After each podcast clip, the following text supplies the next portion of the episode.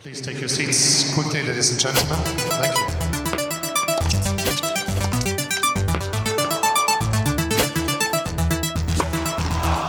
Tennispodkasten Smash. Det skal godt gjøres å høre bare én. Sponset av Betson. Hallo og hjertelig velkommen skal du være til nok en episode av tennispodkasten Smash. Eh, Hallo, hallo. Ja, Hei, Sverre. Det, du, ja, det var like at du nå føler du deg Jeg er varm. litt, jeg er litt på i dag. jeg er er vi hadde en uke, ukes opphold, uh, så vi er litt uh, pratesjuke i dag. Litt, litt, på, litt på tærne. Litt, litt uh, fra, framme i skoa. Jeg liker det god på serveretur i dag, tror jeg. Ja, Det tviler jeg på, men, eh, men eh, det er i hvert fall hyggelig å se deg igjen. Takk, takk. Eh, I dag skal vi snakke litt om, eh, litt om eh, Davis Cup, som nå er ferdig. Eh, Og så har det jo blitt spilt eh, Jeg har lyst til å snakke ganske mye om Davis Cup. jeg. Ja, det blir hovedfokus Davis Cup. Eh, eh, Nå er det, så, det føles så lenge siden at uh, Tsitsipas vant uh, ATP Finals, men uh, det er, var jo et sjokk. Vi kan jo starte der med bare en liten, uh, liten oppsummering av den turneringen. Det var jo Tsitsipas mot team i finalen. Litt overraskende på forhånd, kanskje. Ja, en, en turnering som kanskje var preget av litt slitne stjerner i stor grad. Altså, jeg syns jo at uh, Chichipas er en fantastisk spiller på sitt beste. Jeg syns at Team har tatt steg som har vært ganske rå akkurat nå. Han har dessverre fortsatt toppnivå og båndnivå som ikke helt matcher.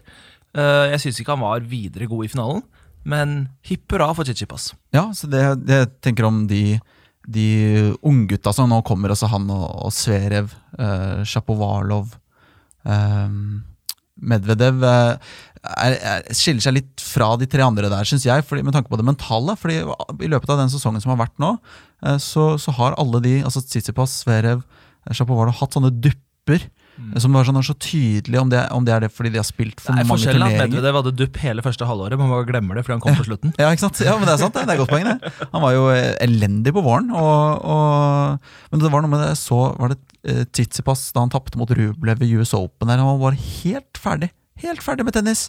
Helt ferdig med tennis. Og Sverev også. Han går fra å, å komme tilbake etter å ha tapt det andre settet mot Federer i Asia der, og vinner det tredje settet og ser fighting spiriten spille er helt på plass, og så møter han en Med en de møter hverandre, og det ligger litt bak, så føler jeg at de, de blir sånne juniorer mentalt. Altså De bare gir opp og, og sutrer og Sånn som eh, det var vel Svere som ble pissa på. helt eh, ja, altså, Hva skjer med hodet til Svere? Sjapovalov og Sverev, Ja. de er Altså Jeg er ganske glad i Sjapovalov. Jeg synes Han er en fantastisk morsom tennisspiller. Mm. Hvis, han, hvis han klarer å få til det spillet som han prøver på hele tiden, så kommer han til å bli en av de mest underholdende tennisspillerne i historien, rent sånn spillmessig. Han er så sutrete! Mm. Det er så mye syting.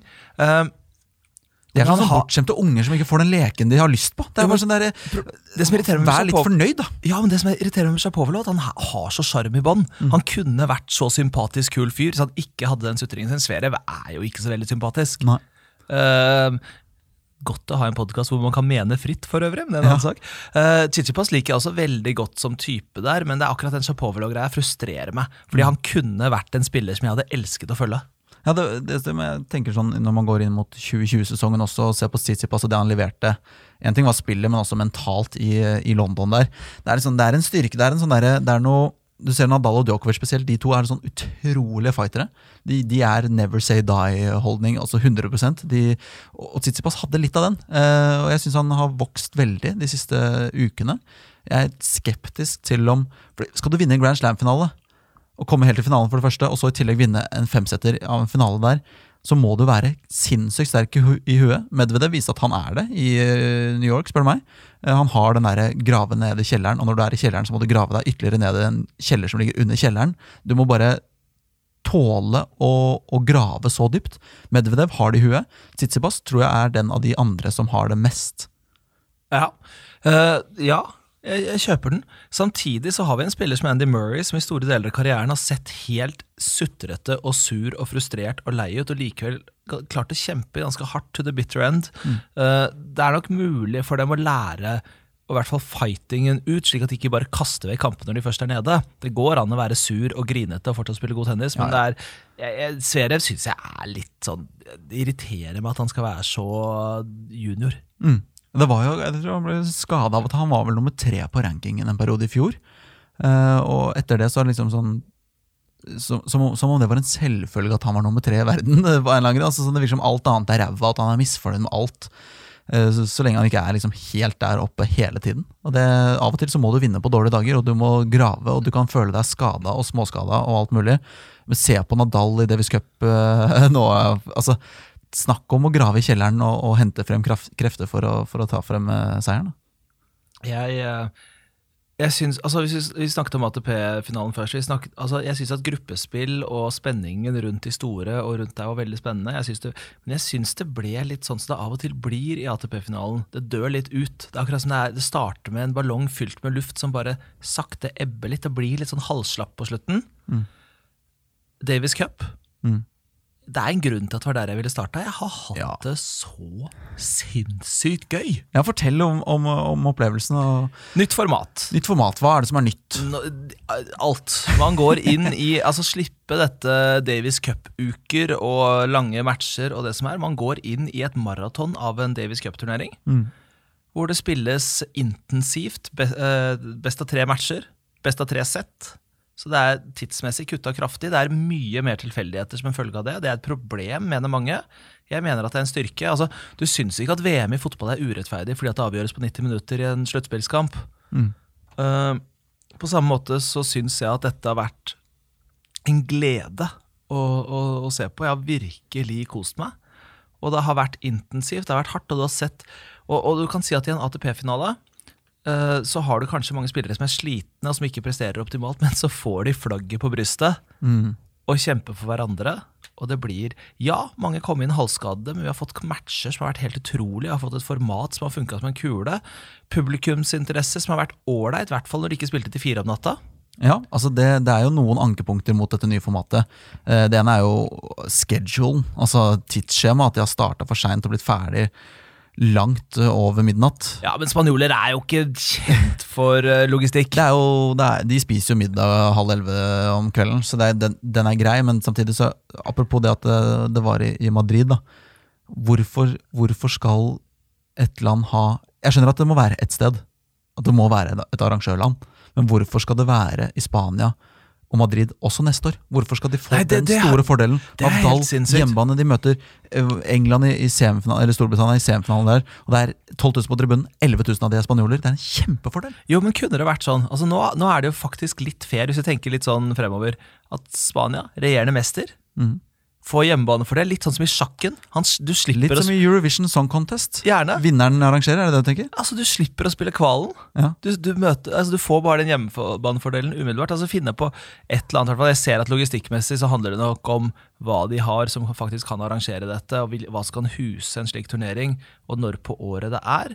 Um, For det er også det er jo ikke, det er jo ikke altså, gitt at vi har lyst til å ha denne turneringen rett etter ATP-finalen. Det kan jo hende at det kunne vært kjempegøy å ha Plutselig så er det Davis Cup på All England Lawn, and, uh, Lawn Tennis and Croquet Club, Wimbledon. Eller vi kunne plutselig fått det i en sånn Altså Pat Rafter Arena i Australia, med tanke på at det der er det sommervær på denne tidspunktet, som, er, eh, som ikke er Melbourne, som er Brisbane, for å få det et litt annet sted. altså Som også fortsatt er en fin arena. Så lage sånne greier. Eh, Men det må jo være steder som har flere arenaer med bra med tilskuerplass, slik at det kan gå parallelt. da. Ja, eh, det må, det må spres utover flere arrangørland. Men vi har jo Grand Slam-arenaer som kan brukes. Vi har jo, vi har jo tennisarenaer. Jeg, jeg hadde syntes det var kjempegøy, men jeg, jeg er oppløftet. Jeg syns dette var en glede og, og en underholdning som jeg, som jeg virkelig overrasket meg positivt. Og, og, Det jeg, bare, det jeg bare tenker på, det er at jeg tror du kan ha blitt lurt. Nei da! Jo, Ok. av at det arrangeres i Spania, og Spania går hele veien, så tribunene fylles hele veien. Nei, men jeg så Hadde kamper Spania uten røket ut i Spania. starten Jo da, det, altså, var det, vel, det var vel Russland Canada var det det, som var i semifinalen, hvor det var elektrisk stemning. og Hvor, det, hvor det flyr canadiere over. Men det, det Mm. Jo, vil men ikke jeg, alltid så, være tilfellet. altså jeg kommenterte jo også match som det nesten ikke var folk på, altså kvartfinale. Blant annet en kjempekamp mellom Canada og Australia, hvor det var ganske tomt på tribunen. Men det var likevel masse, masse, masse liv. Eh, Men jeg ser jo utfordringen selvfølgelig, at å ikke ha en hjemmenasjon kan skape trøbbel for publikumsoppmøte. Men jeg håper jo at dette utvikler seg til å bli en kultur, slik at Davis cup blir sett på litt som en grand slam. At det blir, du møter opp for å se verdens beste tennisspiller, ikke bare for å heie på hjemmenasjonen. Men det var også gøy at de klarte i et turneringsformat å få med seg den galskapsstemningen som publikum har med seg i Davis Cup. Det skal være liv. Det skal være litt mer ufint og litt mer bråkete fra publikum enn det er i en vanlig tenniskamp. Og det, det liker jeg, at det er variasjoner der. Mm. Eh, ja, og da har jo Davis Cup også fått, uh, fått tittelen World Cup. Altså det er VM i tennis, egentlig. Ja. Rett og slett, som i, som i fotball. Og da, da skal det være kaos, og det skal være, uh, om ikke større enn Grand Slams, så i hvert fall på linje med. altså sånn Rent historisk, tradisjonelt sett, så er jo det Davis Cup det største du egentlig på en måte kan vinne. da. Det, det, er, jo, det er jo utrolig store greier, men jeg, jeg bare tenker sånn det er, det er, jeg syns det er for mange cuper nå. og Jeg mener på ingen måte at man skal kutte Davis Cup, men på nyåret så kommer ATP Cup, hvor Norge nå er kvalifisert. Det er jo helt konge sett med norske øyne, selvfølgelig. At Kasper og Viktor skal spille der. Eh, og de har vel, jeg mener å husker at jeg så at de skulle møte Russland. Eh, nå er jeg ikke helt oppdatert, jeg har hatt veldig mye å gjøre i det siste. Beklager det hvis det er noe feil her og der. Men Det, det, eh, det sa vi disclaimer i starten. ja. Da vi startet denne podkasten, så sier vi at her trenger vi ikke stå til rette for noen faktaopplysninger. Det er mye morsommere å kunne gjette vilt. Ja, er, jeg gjetter litt her og der, men jeg, jeg tror de skal møte Russland. Og er sånn, hva, og så har de fra 2021 så skal Hopman Cup tilbake. Altså en herre og en kvinnespiller. eh, Ja, men. Hop Hopman Cup er oppvisningsturnering før sesongen begynner. Ja. Det Eh, er en lek. Jo da, men, men uh, Og så har du jo også, også Laver Cup, som jeg syns er et kongeformat. Uh, hvor det er liksom tennisens svar på Ryder Cup, er det ikke det heter i golf? Og Solheim Cup. Jo, men Altså, Jeg, jeg, jeg syns det er en fet idé, for da får du se Altså Du så hvor mye det betydde for, for spillerne. ja. Og det, det tror jeg Gir man det tid, så vil det vokse og bli en sånn greie sånn som det er i golf. Og, Men, men hva er alternativet, Rasmus? Alternativet er nok en sånn der ATP 250-uke hvor du kjeder deg for tomme tribuner i Nürnberg. Nei. Det, nei, nå svartmaler du. Eh, alternativet er, som Djokovic eh, og- og flere andre også toppspillere sier, er å slå sammen Davis Cup og ATP Cup på et tidspunkt.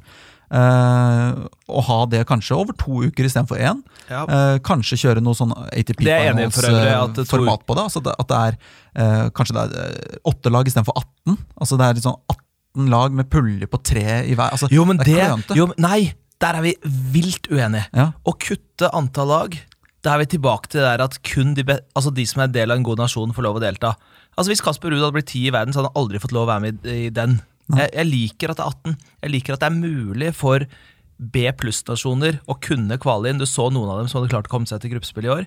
Greit, de er ikke gode nok når det kommer Si- til stykket. mak, for meg, maks 16 lag. Det skal være gjevt å komme med. Ja, man vil gå glipp av en stornasjon her og der, sånn som man gjør i VM. Å nei, Men det er ikke stornasjonen jeg bryr meg filla om. Nei, nei, nei men, men der har du også et wildcard da, som de kan gi ut i, i Davis Cup, som er eh, rart, egentlig. Eh, fordi det, er noe alle skal måtte kvalifisere seg for. Det er som å ha et wildcard i fotball i VM. Eh, du må kvalifisere deg. Kvalifiserer du deg ikke, så, så er du ikke god nok. Eh, bortsett fra da vertsnasjoner.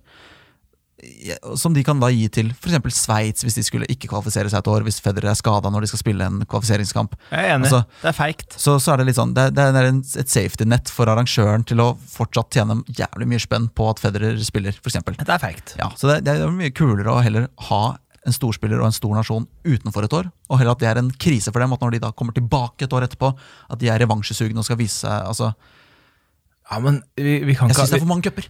For mange cuper. Ja, men Jeg kjøper Men argumentet å slå sammen ATP Cup og Davis Cup, men jeg gleder meg fortsatt til ATP Cup. Ja, ja, men vi elsker jo tennis! Jeg gleder meg til ATP 250 i òg, jeg. Ja, det er jeg. Jeg gleder meg til Challenger Jo, i Kasakhstan. Det er det som kanskje irriterer meg litt, er det at jeg er så misunnelig på de som har ATP-turneringer. Vi har ikke det i Norge. Nei. Da er det så kjedelig å se turneringer uten tilskuere. Mm. Og, og Båstad? Hva er det Båstad holder på med om dagen, da? Så du Båstad i sommer? Nei. Det var tomt! Jeg så Kasper, han tapte i første runde, Jo, og så altså det var, ga så, jeg opp. det var så tomt at de brukte mer tid, spillerne, på å klage på støy fra vippen enn å spille tennis. Ja, såpass, ja. Ok. Jeg er skikkelig frustrert over, over Båstad. Men Båstad er jo en, en partyturnering, altså ikke bare for tilskuere. Ja, jeg har hatt venner som har vært der på. Båstad-vekkan i Båstad, og de sier at altså Det her er bare et rykte, men altså Ferdasco skal visstnok ha festa og vært på nachspiel til klokka fem dagen før han skal Ferd- spille kvartfinale. eller et eller annet sånt. Ferdasco har festet før. Han har, ja, han har vært ute, og når han møter svenske damer, så skjer det ting. Sånn er det bare. Men det altså- må vi godta. Men det er jo det er en litt sånn partyuke. på Altså- øh, Altså Hvis du snakker om Fernando Ferdasco Og hans al- Altså, hva var det hva, det, det Det sies jo løst at han har jo Altså, det er en På sjøen hadde en jente i hver havn, så hadde vel han en jente i hver ATP-turnering som spilles rundt omkring. Ja. Eh, men, men sett vekk fra det, jeg, jeg savner mennesker på tribuner. Mm. Eh, jeg håper jo at tennis At den dagen vi kanskje får en challenger til Norge, det kommer til å skje. Ja. Den dagen vi Det kan får- ikke være langt unna med Kasper og Viktor. Og... det kan ikke være langt unna en challenger. Nei. Og når vi får en challenger, så håper jeg at eh, mennesker skjønner at vi må støtte opp. Hvis vi noensinne skal ha håp om å få en ATP-turnering til Norge, Mm. så må vi omfavne den challengeren og virkelig møte opp, kjøpe billetter, skape rammer rundt arrangementet som er ordentlig. Mm. Og, og, og være litt flinkere til å ta del, fordi at det er mange tennisinteresserte, men vi er ikke alltid så flinke til å stille opp. Trenger det for at vi skal ha muligheten til å få lov å se topp topp tennis i Norge. Og det er ganske gøy, for de som ikke har vært på liveturneringer. Det er ikke det samme som å se det fra høy vinkel med kameraføring eh, langt over der. Det går så ufattelig mye fortere. Ja, og det er jo, er jo Norge har jo arrangert veldig mange future-turneringer osv., og, og, og det er jo labert oppmøte. eh, Det er noen juniorer her og der selvfølgelig som er å se på, litt sånt. Men det, er jo, det som er kult, er jo å se da de yngste spillerne i de future-turneringene, som går et lite stykke, som kanskje ryker ut i kvartfinalen f.eks., og se Tsitsipas før han slår igjennom, før han vinner Grand Slam, se Dominic Thiem, før de tar det neste steget. Og Men liksom, jeg tilgir likevel fans å ikke møte opp på Future eh, på tennissenteret, altså. ikke hvis det er innenfor 30 minutters radius. Føler jeg Da skal du møte opp hvis du liker tennis. Ja. Eh, men, men nok om det, vi kan snakke mer om Davis Cup, og, og en, av, en av de nasjonene som virkelig overrasket, var jo Canada. Det var så gøy å se på Canada, syns jeg. Ja. Eh, Det, det startet jo med altså, Ogier Aliasim var jo høyest rangerte spilleren til Canada. Han kom inn med en litt sånn haltende ankel, men ikke noe verre at han skulle være ute en match, kanskje to i gruppespillet. Men så, så våkner det jo et villdyr av en Vasek Pospisil. Så han, han, han herjer jo. Han vinner jo alt som kan, vinnes kan. Og nesten egenhendig drar jo Canada til eh, semifinale. Eh, Der snubla han første kampen sin mot Medvedev. Men da, Rublev? unnskyld, mot Rublev. Ja. Takk, takk. Men de vinner jo da Sjapovalov i sin match, og så vinner de double med Pospisil igjen der. Mm. Og, og Vasek Pospisil Ja, er er, er fader meg kanskje noe av det mer overraskende. Du hva? Vi kjører nå. Nå skal vi ha full Vasek Pospisil ukas spiller. Ukas spiller!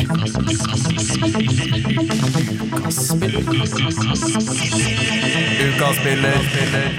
Og For å fortelle historien om uh, Vasek Pospisil, så må vi først innom eh, eh, Mila og Milos Pospisil. Ja. Dette er da foreldrene.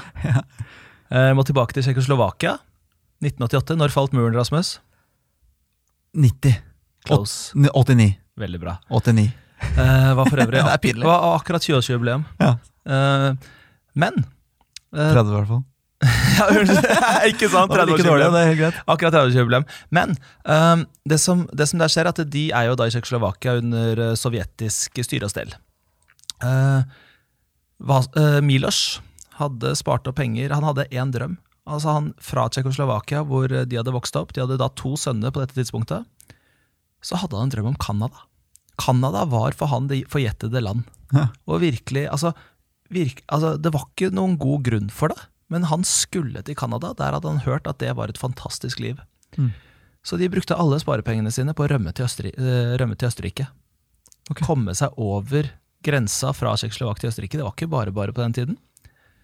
Og eh, brukte da tiden i Østerrike til å ta fire jobber samtidig. Mens kona også jobbet som eh, sykepleier der. Dette måtte jo være ulovlige jobber, så de var jo, hadde jo ikke oppholdstillatelse.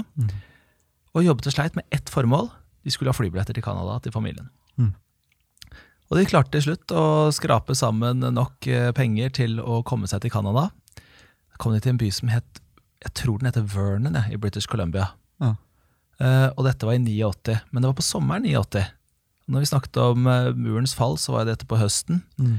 Slik at på det tidspunktet så var det mulig å få asyl i Canada for de som hadde rømt fra sovjetiske området. Hadde de kommet litt bitte seinere, så hadde det vært umulig. Da var det en flom av mennesker som forsøkte å komme seg inn i Vesten på alle mulige måter. Det var ikke mulig å få de oppholdstillatelsene, men de gjorde det. Eh, Men det var jo ikke noe dans på roser av den grunn. De fikk jo da en liten gutt i 90. Mm. Vasek. Ja. Uh, og for å forsørge familien så jobbet jo da far tre jobber. Han hadde gått ned én jobb fra tiden han var i Østerrike. Uh, og mor var fortsatt sykepleier. Men han- var, han var um, I hvert fall en av de var at han var maskinoperatør på et bryggeri. Ja. Eh, jeg husker ikke helt de andre her nå, men det ble jo relevant til seinere, akkurat det bryggeriet. Det var derfor den satt i. Men i alle fall. Ehm, Sønnene, i hvert fall eldste, bidro på å forsøke å forsørge familie her, men dette var virkelig en sånn rags to riches. De forsøkte å bygge opp en livsstil. Og begge to, både eh, Mila og Milos, hadde vært eh, relativt sånn recreational eh, hobbytennisspillere og drev med annen idrett også. Men unge Vasek, han elsket fotball. Mm. Han var så glad i fotball. Ja. Og han skulle spille fotball uansett, men de tvang ham litt til å spille tennis på siden. Men så startet jo Vasek Pospisil sin historie ganske tidlig. da. Han ble skadet som, eh, som niåring. ja. Der starta det skada. Altså, han, den har forfulgt han eh, gjennom hele karrieren. Så han, eh, han kunne ikke spille fotball. Det ble for stor påkjenning for beina hans. Ja. Så han måtte gi seg med fotball, som var hans store sorg.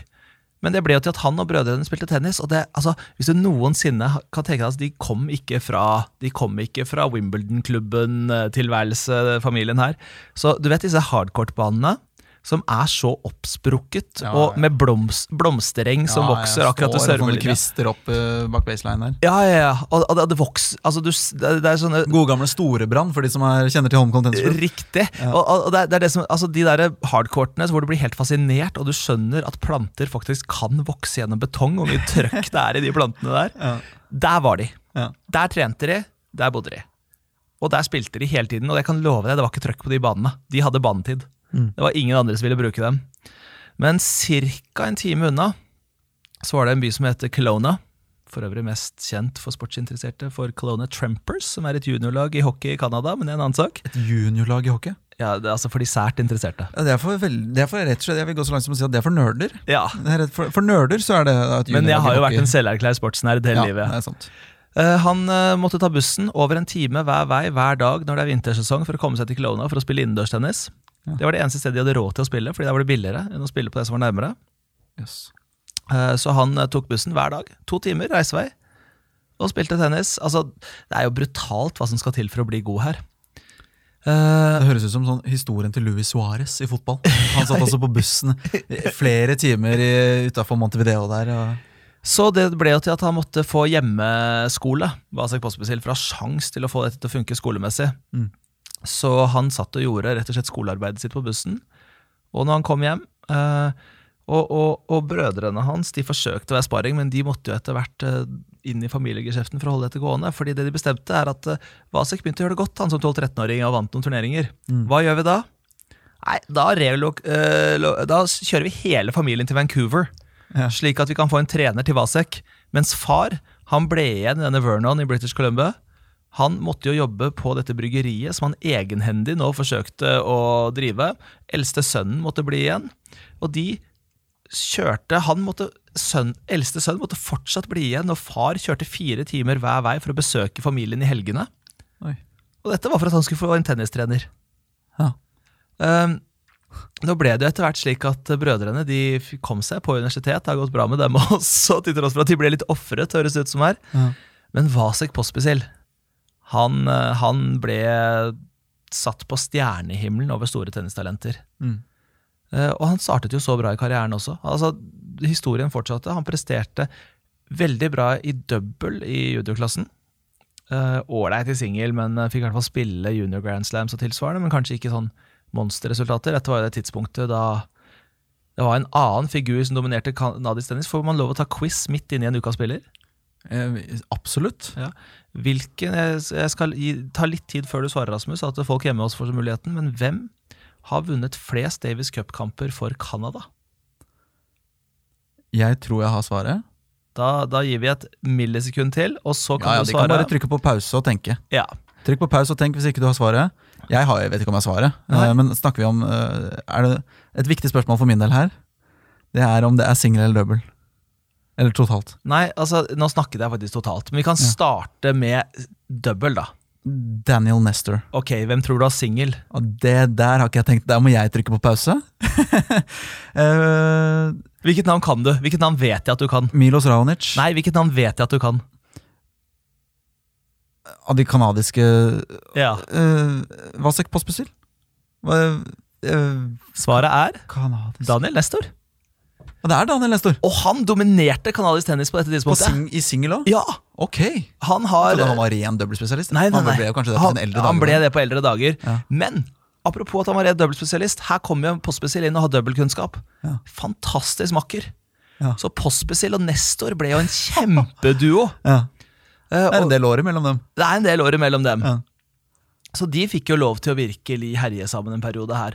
Og det å få han å få lov å spille med Altså, Nestor var en Nestor innenfor canadisk kanadisk tennis. Altså, han var den eneste. Det er helt fantastisk i dag å se. Men han har jo også nå for øvrig vært trener på Davis Cup-laget, og det er også Dansevic. Og snakk om å ha to, de to tidligere kanadiske legendene som står in the corner på dette laget. Altså, det, er, det, er, det, er som en sånn, altså, det er som en sammenslåing av all kanadisk tennis gjennom de siste 40 årene. Frank Dansevic han husker jeg kun for én ting. Han hadde egentlig en ganske medium karriere. altså Mye rundt uh, mellom 100 og 250 typ på rankingen, så vidt jeg, hvis jeg skulle gjette. Ja. Lå han mye der. Men han kvala inn til Wimbledon et år, og tok vel Nadal til fem sett. Jeg husker ikke. Jeg tror det, altså, jeg tror han uh, pressa Nadal til fem sett. Jeg lurer på om han tapte til slutt. Men tenk da hvordan Canada har reagert nå siste tiden, når de får først Emilos Ranic, og så får de hele denne gjengen her. Ja. Når dette er det de har hatt å se opp til. Men i alle fall, Pospesiell, han, han var en flying start. Han spilte seg opp til 25 på verdensrankingen i singel også. Viste seg at han var slett ikke noe dårlig, og så begynte skademarerittet. Først skader han seg, kommer tilbake, skader seg, kommer tilbake. Han har aldri fått lov å skyte ut av denne raketten, og det viste seg at det, mye av det som har plaget han lenge, har vært rygg. Mm. Så han opererte nå ryggen i 2018. Mm. Ute mesteparten av 2019. Ja. Så kommer han, da. Spiller første turnering i Wimbledon. Og nå er han, altså han er virkelig skutt ut av en kanon. Mm. 29 år gammel. Overraska mange i US Open. Ja, han er Slo Khatsjanov i fem setter. Vel- veldig bra. Ja. Jo, men altså, han er som skutt ut av en kanon nå. Og han, han har faktisk muligheten nå, um, Vasek Pospisil, til å starte en fantastisk karriere i en alder av 29 år. Mm. Og det, er, det, det, det hører man ikke om. Man hører om de som av og til kommer som 3-4-25-åringer og kommer seint. Mm. Men tenk deg, hvis vi kan få en Pospisil som nå spiller seg inn i absolutt toppen, og da går tilbake til den reisen som Milo Sjamila hadde, Mm. fra Tsjekkoslovakia over for nettopp å kunne gi barna sine en sjanse, for nettopp å kunne kjøre fire timer hver helg for å ha ham hos en tennistrener, for å sende sønnen sin time busstur hver vei for å trene i Kelowna, og nå, og så så det ut til at hele den For jeg kan love deg, å ha vært 25 på rankingen, det gir ikke økonomisk trygghet for fremtiden. I hvert fall ikke på den tiden da det var en uh, Du må gå svinelangt i noen Grand Slams og, og levere de riktige turneringene over tid. Ja. Som gjør at Uh, Og nå er han der. Nå er han faktisk i ferd med å, å bli et monsternavn. Men det som er så kult Han satte jo og Gerald Yassib fullstendig da på benken hele Davis Cup. Ja, han, ble, han var jo egentlig klar til kamp to slash tre for Canada. Ja, ja, ja. Men han var ikke i nærheten av å komme inn ja. før finalen. Og det tror jeg er det svakeste valget Canada har tatt, fordi de they chose to ditch the winning hand. Mm. Og da tapte de også finalen Mm. mot en umulig Nadal. Ja. Eh, fantastisk historie. Og vi hadde jo en episode for noen uker tilbake om Tennis Canada, eh, som jeg presenterte litt med navn og historikken og hvor, hvorfor de canadierne gjør det så bra. Som, som man, eh, jeg kan anbefale å høre, da, hvis man syns at denne postbestillerhistorien er bra. Der, der name-dropper man egentlig, eller jeg bare postbestilte så vidt, for jeg sjekket rankingen og så at han var sånn 200 på rankingen. Var sånn, ja, ok, Da har han falt litt, og jeg er litt ute av det. Eh, men jeg visste jo ikke det at det var en skade, og at han kunne komme tilbake så fort. Eh, og, og så bra, ikke minst. Men eh, vi må jo snakke om litt den finalen også. eh, Bautista Agut som mister faren sin Det er også en veldig sterk i. Davis Cup. Altså, han spiller vel første kampen til Spania, tror jeg, og så får han den triste beskjeden. Jeg tror det bare vi, Jeg tror først han reiste hjem jeg, for å være sammen med faren sin, og så gikk han bort, og så kom han tilbake, og så spilte han Mm. finalen. Ja, Han spilte rett og slett finalen et par dager etter at faren hadde gått bort. Og det er vel, jeg tror også moren gikk bort for et år siden. Halvannet år siden. Så eh, det å komme tilbake og så spille, det, det sier noe, og ikke minst vinne. Eh, han møter riktignok en litt rusten Osher Aliasim i finalen, men eh, det er så sterkt. Og Nadal, det eneste Nadal snakket om etter at han egentlig, hvis jeg skal være helt ærlig, Eide Davis Cup. eide Davis Cup og sikret spansk seier der. Så det var hvor umenneskelig det Bautista Agut øh, gjorde var. Og, øh, altså, jeg, men, men samtidig, hvor vanskelig er det ikke å møte Bautista Agut når du vet det her? Altså, det, det tenker jeg sånn, men rent mentalt. øh, på hjemmebane, Bautista Agut kjemper seg Og han spiller jo egentlig fordi resten av det spanske landslaget er skada. Carreno Bosta eh, halter. Eh, Feliciano Lopez, dobbeltspiller som også var haltende, som spilte en dobbel her og der, og spilte til og med en singel fordi de var De hadde ikke flere spillere. Eh, I, friske spillere i troppen. eh, og, og så han må spille. Det er derfor jeg tror også at han kommer tilbake, for han ser at laget trenger meg, landene trenger meg til denne finalen. Og så fighter han seg gjennom en eh, 2-0-seier mot uh, Osher Al-Azim Og sørger for at Nadal kan eh, sikre seieren eh, like etterpå. Jeg vet ikke om det er riktig å spille ham. Er å spille Osher Aliasim, altså.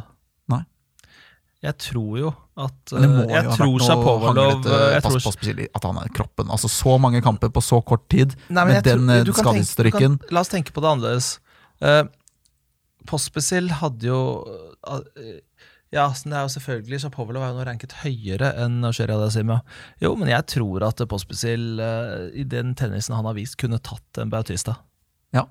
Eh, men Bautista er jo en skrue. Jeg, li jeg liker jo Bautista, jeg. Mm. Jeg vet at det er den eneste aerosportkommentatorene som syns det kan være gøy. Altså, Hvis det er en Bautista-kamp, Ja. så er det ingen som melder seg frivillig, bortsett fra meg. Nei. Jeg syns han er litt artig. Jeg. Han spiller jo ganske kjedelig tennis, men jeg liker han som type. Han er en fighter. Altså han, Akkurat det du illustrerer her, han er en fighter.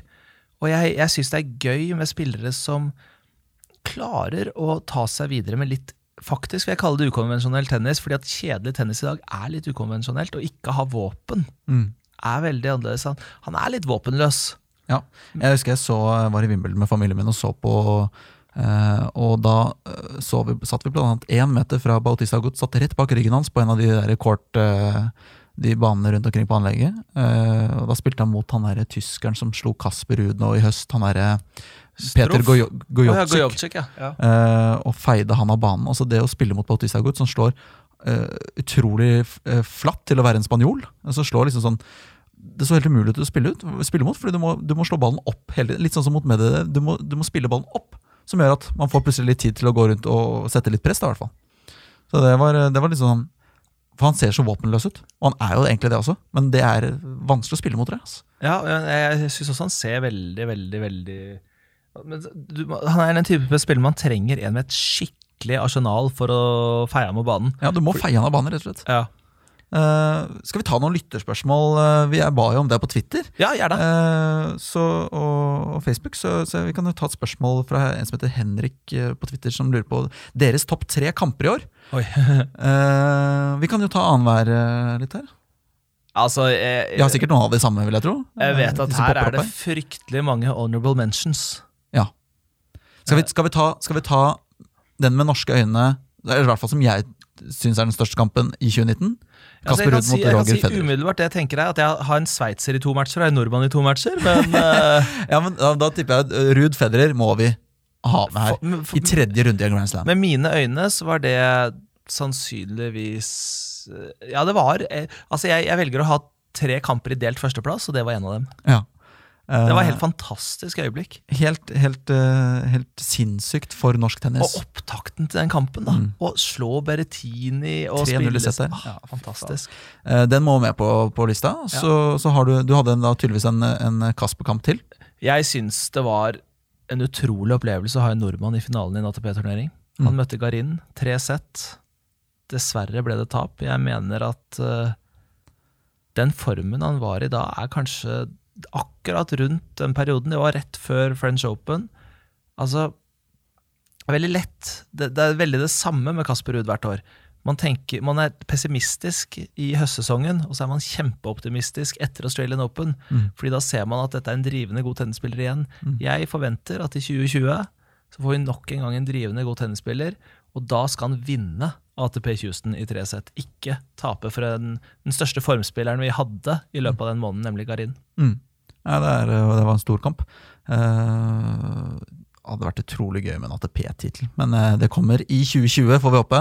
Uh, det hørtes ut som du hadde en sveitsisk kamp til. Federer, det er vel Djokovic-Federer i Wimbledon-finalen? En av de beste tenniskampene i historien. En, en, match som Altså Når man ser tilbake, hvis man ser tilbake til Borg McEnroe, hvis man ser tilbake til Lendl Chang, altså disse legendariske oppgjørene Jeg håper og tror at 2019-finalen i Wimbledon går inn i historiebøkene som en av de flotteste tennismatchene noensinne. Vi, vi, vi lar oss kanskje ikke imponere, altså vi lar oss ikke begeistre i like stor grad i dag av estetikken i tennis. Altså det derre sagnomsuste jeg, Som man kanskje vet hvis man har hørt på podkasten vår litt, jeg elsker en historie. Mm. Jeg elsker de svulstige, gode historiene, og akkurat den kampen der, med hele bakteppet, med alt som skjer rundt altså det, det, var én, det var én liten hiccup i det skriptet, og det beklager jeg til alle Djokovic-fans. Mm. Det var at ikke Federer vant med mm. matchballen sin. Mm. Ja, det var jo første gang man testa også tiebreak på 12-12 i femte sett. Tenk alle de kampene som spilt i Wimbledon. Ja. Og så får man første 12-12-tiebreaket får man i finalen. Ja, helt, er helt uh, vilt. Jeg hadde jo omtrent kjærlighetssorg i flere dager etter den finalen. Jeg, jeg er jo har alltid likt Federer utrolig godt, selvfølgelig. Uh, og jeg har massiv respekt, og jeg liker Djokovic og Nadal også, men for meg så er det så, så går det med på det, på det, estetiske. og Så Federer vil alltid være en favoritt hos meg. Uh, og det at han tapte den finalen, to matchballer på rad i egen serve, det er så hjerteknusende. Uh, I hvert fall når man vet hvor gammel han er, og at ja, han kommer til å spille neste år. Kanskje til og med året etter, hvem vet. Men det kan ha vært siste sjanse, og at det skjer på den måten, var jo bare. Men det var, det var flere gode tenniskamper i år. Ta din eh, ta, ta, Vil du ha en eh, ny en inn? Eh, Jeg regner med du skal inn med Du er jo Medvedev-fan. Jeg vil lansere US Open-finalen.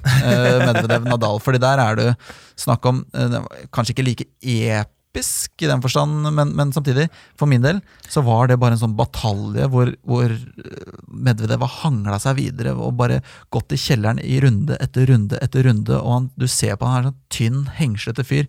Som, han ser så lite kraftfull ut, det er så lite power i den fyren der. Det er ren russisk mentalitet som bare tvinger han videre. Så kommer han til finalen, møter en, en full tent Nadal som tar de to første settene, alt ser håpløst ut, og så spiser Medvedev seg innpå og tar det tredje settet på mirakuløst vis. Eh, jeg tenkte jo det var kjørt etter første sett. Jeg tenkte Medvedev må ha første sett hvis han skal ha noen som helst sjanse. Han taper de to første, kommer tilbake, tar tredje sett, tar også fjerde sett på en sånn sinnssykt fighting spirit som bare er helt out of this world og så kommer femte sett, og da er det egentlig Du ser på Nadal har begynt å bli supershaky. Medvedev er bare sånn Fader, nå, nå, faen, nå er det ett sett som avgjør finalen her. Jeg kan vinne Grand Slam. Hva skjer? Jeg, nå har jeg fått trua på det. Nå nå, nå, er det i ferd med å skje, og Nadal er bare sånn Faen, tenk at det her glipper nå. Hvor sliten hvor, hvor, hvor mange liv har den katten på andre siden av nettet? Og, og Medvedev starter vel med å breake også i det femte settet, og man tenker sånn Nå skjer det! Nå skjer det faen meg! Og så skjer det jo ikke, da. så det blir litt så antiklimatisk. med tanke på samme Men det er jo så Nadal. Det er jo så Nadal. Det, det, er det, altså, vi vi er til, det, er det som gjør den kampen helt spektakulær. Er at Det er jo ikke bare Medvedev sitt fantastiske fighting spirit, men det er det derre psyken til kongen av Mallorca, som jeg liker å kalle ham. Ja. Chartersvein. Eventuelt Nadal. De har det til felles. De er begge konger av Mallorca. Ja. Men jeg har lyst til å trekke frem to øyeblikk. jeg. Ja. To fantastiske øyeblikk som kanskje har blitt oversett.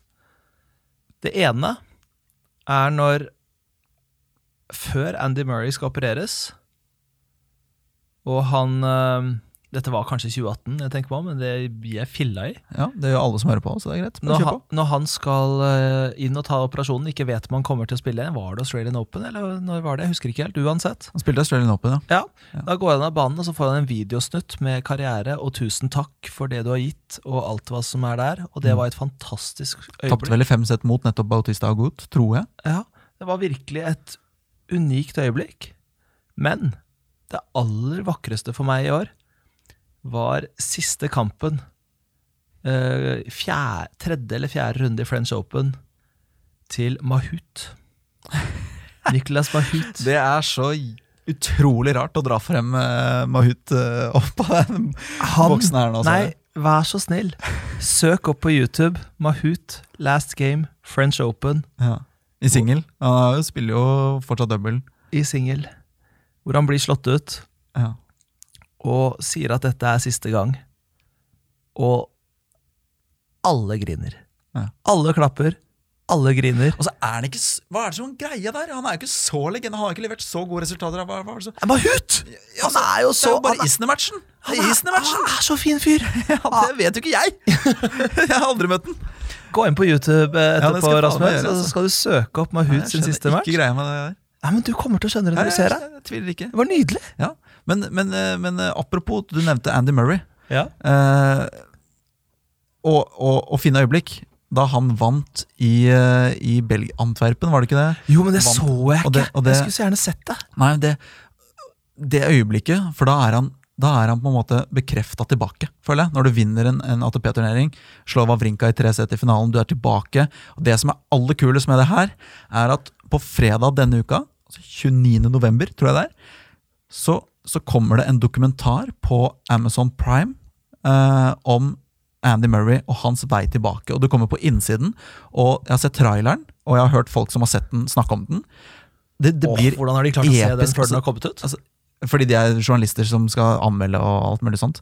Eh, og det, det er det, det det er klipp der hvor Andy Murray snakker til mobilen sin på kveldstid. Han har lagt seg, og han griner. Og han snakker om hvor vanskelig det er, og han har ikke lyst til å gi opp det han elsker. Men, men kroppen gjør alt den kan for at han skal gi opp det han, og gjøre det han elsker. Og han hulker og han griner, og det er veien tilbake. Du blir med på operasjonsbordet. Du blir med på hele veien. Den dokumentaren gleder jeg meg så mye til å se, og den håper jeg at Altså, det er verdt Jeg vet ikke, det her er ikke reklame for Amazon Prime, men det er bare sånn Skaff deg et abonnement, se dokumentaren, og så kan du avslutte abonnementet etterpå. Det er bare, det tror jeg blir Hvis du er glad i tennis, Jeg er en av de få som historie. har abonnement på Amazon Prime. ja, kjøp på. Jeg har det sjøl. Fordi jeg vil se på en dokumentar om Borussia Dortmund, men det er en helt annen historie. Hvordan? Hvorfor Borussia Dortmund? Eh, Kongeklubb. Jeg er sportsidiot. Det er fantastisk. På innsiden. Ja, du blir med garderoben. Altså, det, det folk kanskje ikke vet om oss når de hører den podkasten, de tror kanskje at vi er eh, spektakulært tennisinteressert som helhet, men vi er jo egentlig de største sportsnerdene som finnes på denne jord. Ja. Eh, Jeg, jeg, eh, jeg husker jo godt deg som Jeg har jo kjent deg et helt liv. Mm. Husker godt deg som seks-syvåring. eh, Hvor hvis det var sportsquiz, så hentet vi Rasmus. Fordi da var, det, da var ting ganske i orden. I hvert fall hvis det var litt Liverpool-relatert. Jeg er ganske sikker på at jeg kunne, kunne Da jeg var liten, så, så kunne jeg over 40 spillere i Liverpools uh, Hva skal man si? Ikke A-lagstall engang, fordi det går ned på B- på, på B-laget, U23, U18 osv. Ja.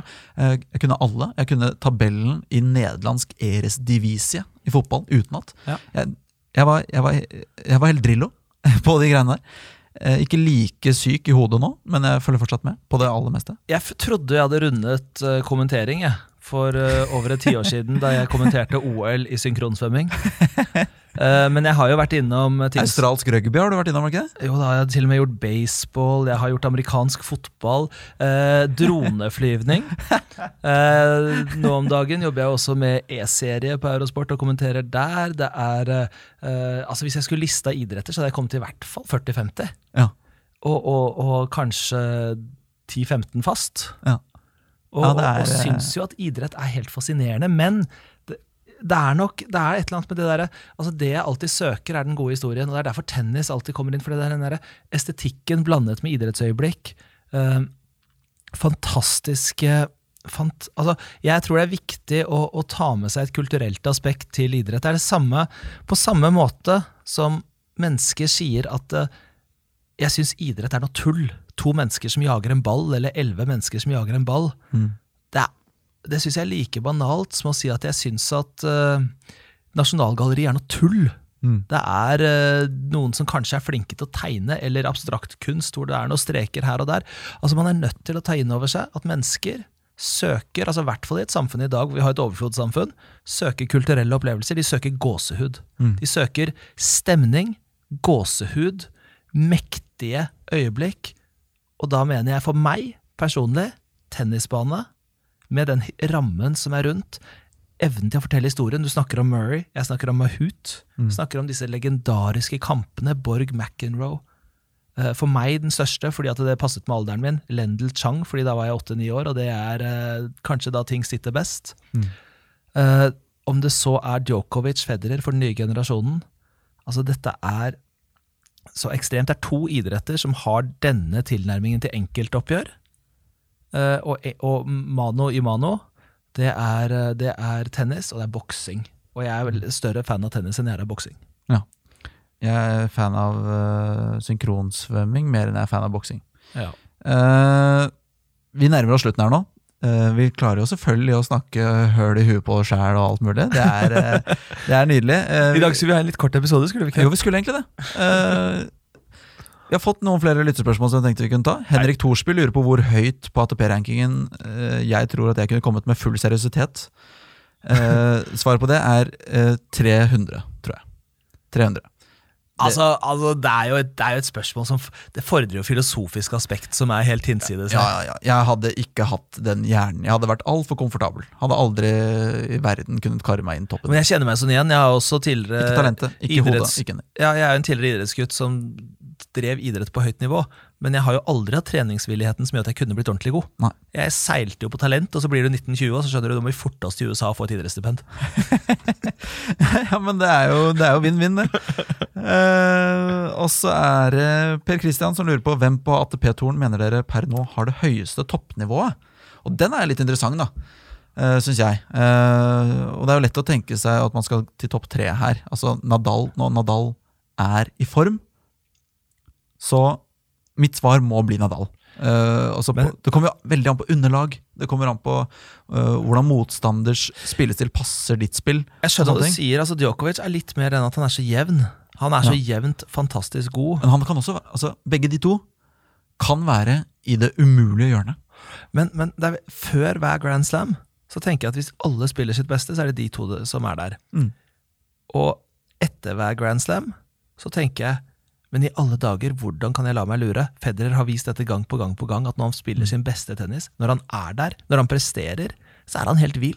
Men sjeldnere og sjeldnere mot de to Ja. gutta. De, Ja. de nøytraliserer han. Apropos Eh, Wimbledon-finalen. han, de får han til å se litt dårlig ut, ofte. Eh, fordi de vet, de har møtt han så mange ganger, de vet hvordan de skal spille mot han. De, de, de er for komplette for han. Jeg elsker jo hvordan Federer faktisk endret ikke bare teknikk, men sp- altså, spilte med nesten dobbelt så stort rekkerthode, bare av én eneste grunn. Han ville i større grad takle toppspinnen til Nadal på backhand. Mm. Fordi at han syntes det var så vanskelig å få rent treff når han måtte opp i skulderhøyde på backhanden der. Mm. Og det er jo klart at når du, Nadal skyter i, på underlaget, så spretter det høyt. Ja. Det blir som en kickserve på hvert eneste slag. Det. Ja, ja, ja.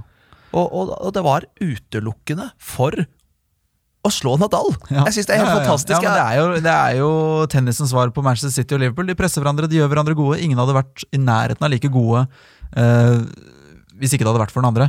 De trenger hverandre for å, for å nå det nivået vi, vi tennissportere heldigvis får lov til å se. da. Men det var litt viktig også for tennisen, tror jeg, det med Federer. Før så var man jo mindre rekkerthode, man hadde jo kulere var man. Ja.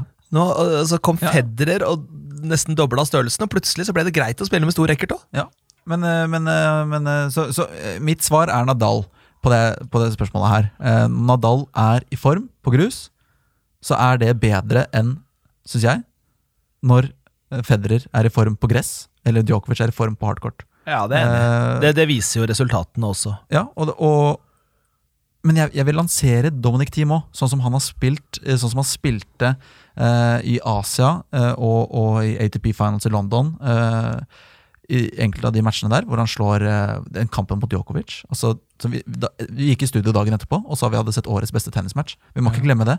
Dominic Thiem han har funnet ut av hardcourt, og når han, han slår så hardt han kan på alle baller når han er i form, og det sitter, da er det helt sinnssykt å se på. Så Men la, jeg vil reformulere spørsmålet litt. Ja. Hvilke spillere som er utenfor topp fem, Ja, den er litt uh, kulere. har et toppnivå som kunne hevdet seg mot alle, bortsett fra de tre gutta som er på sitt aller beste, men som kan slå de der på en middels dag, f.eks. Mm. Altså, Monfils, som vi vet har det mest variable nivået i verden, er han en spiller som kan være der? Jeg, jeg tror jeg har fasiten. Ja, gøy, gøy. Juan Martin Del Potro. Del Potro, selvfølgelig. Og han er skadefri og i form, for en spiller, altså. Altså toppnivået hans er helt sinnssykt. Jeg husker den US Open-finalen mot Federer. Det er noe av det villeste jeg har sett. Uh, og uh, nå glemmer jeg litt hva han Du kan lansere én kandidat, eh, du også, på den, uh, Sverre. Jeg, jeg slang inn en liten Monfils er, jo- er jo fin selvfølgelig når han er i, i form der, men, men Jeg slang den inn bare fordi at det var, det var Jeg, jeg syns at Monfils er så morsom å se på når han spiller sin beste tennis. Og, Ja. og jeg er litt sånn i dag, så velger jeg estetisk tilnærming til alle spørsmål. Det er lett å tenke sånn, eh, i hvert fall fra altså, En spiller som, som slår utrolig hardt og flatt, og så spiller spektakulært, men som dessverre gjør for mye feil til å for vinne en Grand Slam-turnering. Det er jo mange av de altså eh, De store serverne, Isner eh, når, han, når han også har dagen på grunnslag, så er det, så er det ganske spinnvilt. Um, men det, det, det er vanskelig å komme unna de de aller største der, føler jeg. Det, er, er eh, for, for meg, i, bak topp fem, så er det liksom Ja, nå er jo Medvedev topp fem, selvfølgelig, men, eh, men uh, Sverev, når han er i, i form, så, så syns jeg han ser umulig ut å spille mot. Han, har, han server Ja. i 220-230 og gjør ikke feil fra baseline. Det er, det er utrolig vanskelig, og, men det er samtidig hvor gode er ikke alle disse spillerne når de er i form? I form? Men, eh, men eh, jeg må svare Nadal eh, eh, som nummer én. Jeg har team som en outsider og utenfor topp ti. Juan Martin Del Potro. Apropos Del Potro. Ja, Jeg må fortelle en litt morsom historie der. Ok. En liten digresjon. ja da, Det blir avslutningen på episoden. Ja, eh, nok en digresjon. Ja. Han har jo, data jo tidligere en jente som heter eh, Stephanie Demner. Som er en sånn Instagram-profil i Argentina. Okay. Det som er morsomt, er at det ble slutt mellom dem. Ja, Det er morsomt. Eh, hun begynte så etter hvert å date Åh, nå er jeg jernteppe. Hvem var det igjen? Jeg husker ikke. Nå er hun i hvert fall Nå, ja, Fryktelig dårlig historie. Nå er hun sammen med Guido Pellia. Ja. Tidligere var hun også i mellomtiden var hun innom uh, Hun liker argentinske tennisspillere, den. ja, ja, ja, men gjerne litt med aldersforskjell. Ja, altså, den, men jeg lurer på om siste var ehm, Hun var sammen med en av de andre argentinerne i mellomtiden. Schwarzmann? Ja, nei, Schwartzmann kom vi fram til er den eneste hun ikke har data. Og det var akkurat det jeg skulle si til slutt. Schwarzmann har ikke data Demner, så vi venter nå bare på at det blir slutt mellom Pelja og Demner, slik at Schwartzmann kan komme der, så han har vært gjennom topp fire. Maxi hva heter det, Gonzales, heter han det? Ja, det var ikke han, var han eh, siste var en eh, sånn uh, Londero-aktig variant, men ikke Ja. italiener. Renzo Olivo. For å dra et sånn eh, lite wildcard-navn opp av Åh, hatten. jeg følte jeg skulle ha en så bra historie, så bare falt den fullstendig Andrea. Colarini. Nå er jeg sterk. Jeg var veldig imponerende her. Perifere argentinske tennisspillere. Eh, Ikke en albandian, i hvert fall. Agustin Velotti. Dette blir for nerdete. Dette, dette er så name-dropping, Rasmus. Nå, Ja. nå leverer du på løpende bånd her. Uh, I hvert fall da, Stephanie Demner heter hun uh, dama. hun har data snart hele Davis Data Cup-laget. hele Davis Cup-laget til Argentina, bortsett fra Schwarzmann. Ja. Eh, da ønsker vi Diego masse lykke til med, med oppsjekkingen av Stephanie i 2020. Eh, det har vært en glede å være tilbake i studio med deg, Sverre. Likeså. Neste uke så tar vi, tar vi sats og, og prøver å klinke til med en gjest, hvis det går. Ja. Eh, så, så det blir spennende, hvis vi får til det vi håper å prøve på. I mellomtiden så er det bare å gå inn på iTunes, gi oss noen stjerner og kommentarer der. Vi leser det, det er veldig veldig hyggelig. Følg oss på Twitter etter Smashpodkasten. Facebook også. Eh, engasjement, det er spørsmål. Eh, Vi er, vi er gode på mye, Vold. Vi er ikke så gode på korte episoder. det er vi ikke. Men da skal vi avslutte denne litt for lange episoden. Tusen hjertelig takk for nå. You.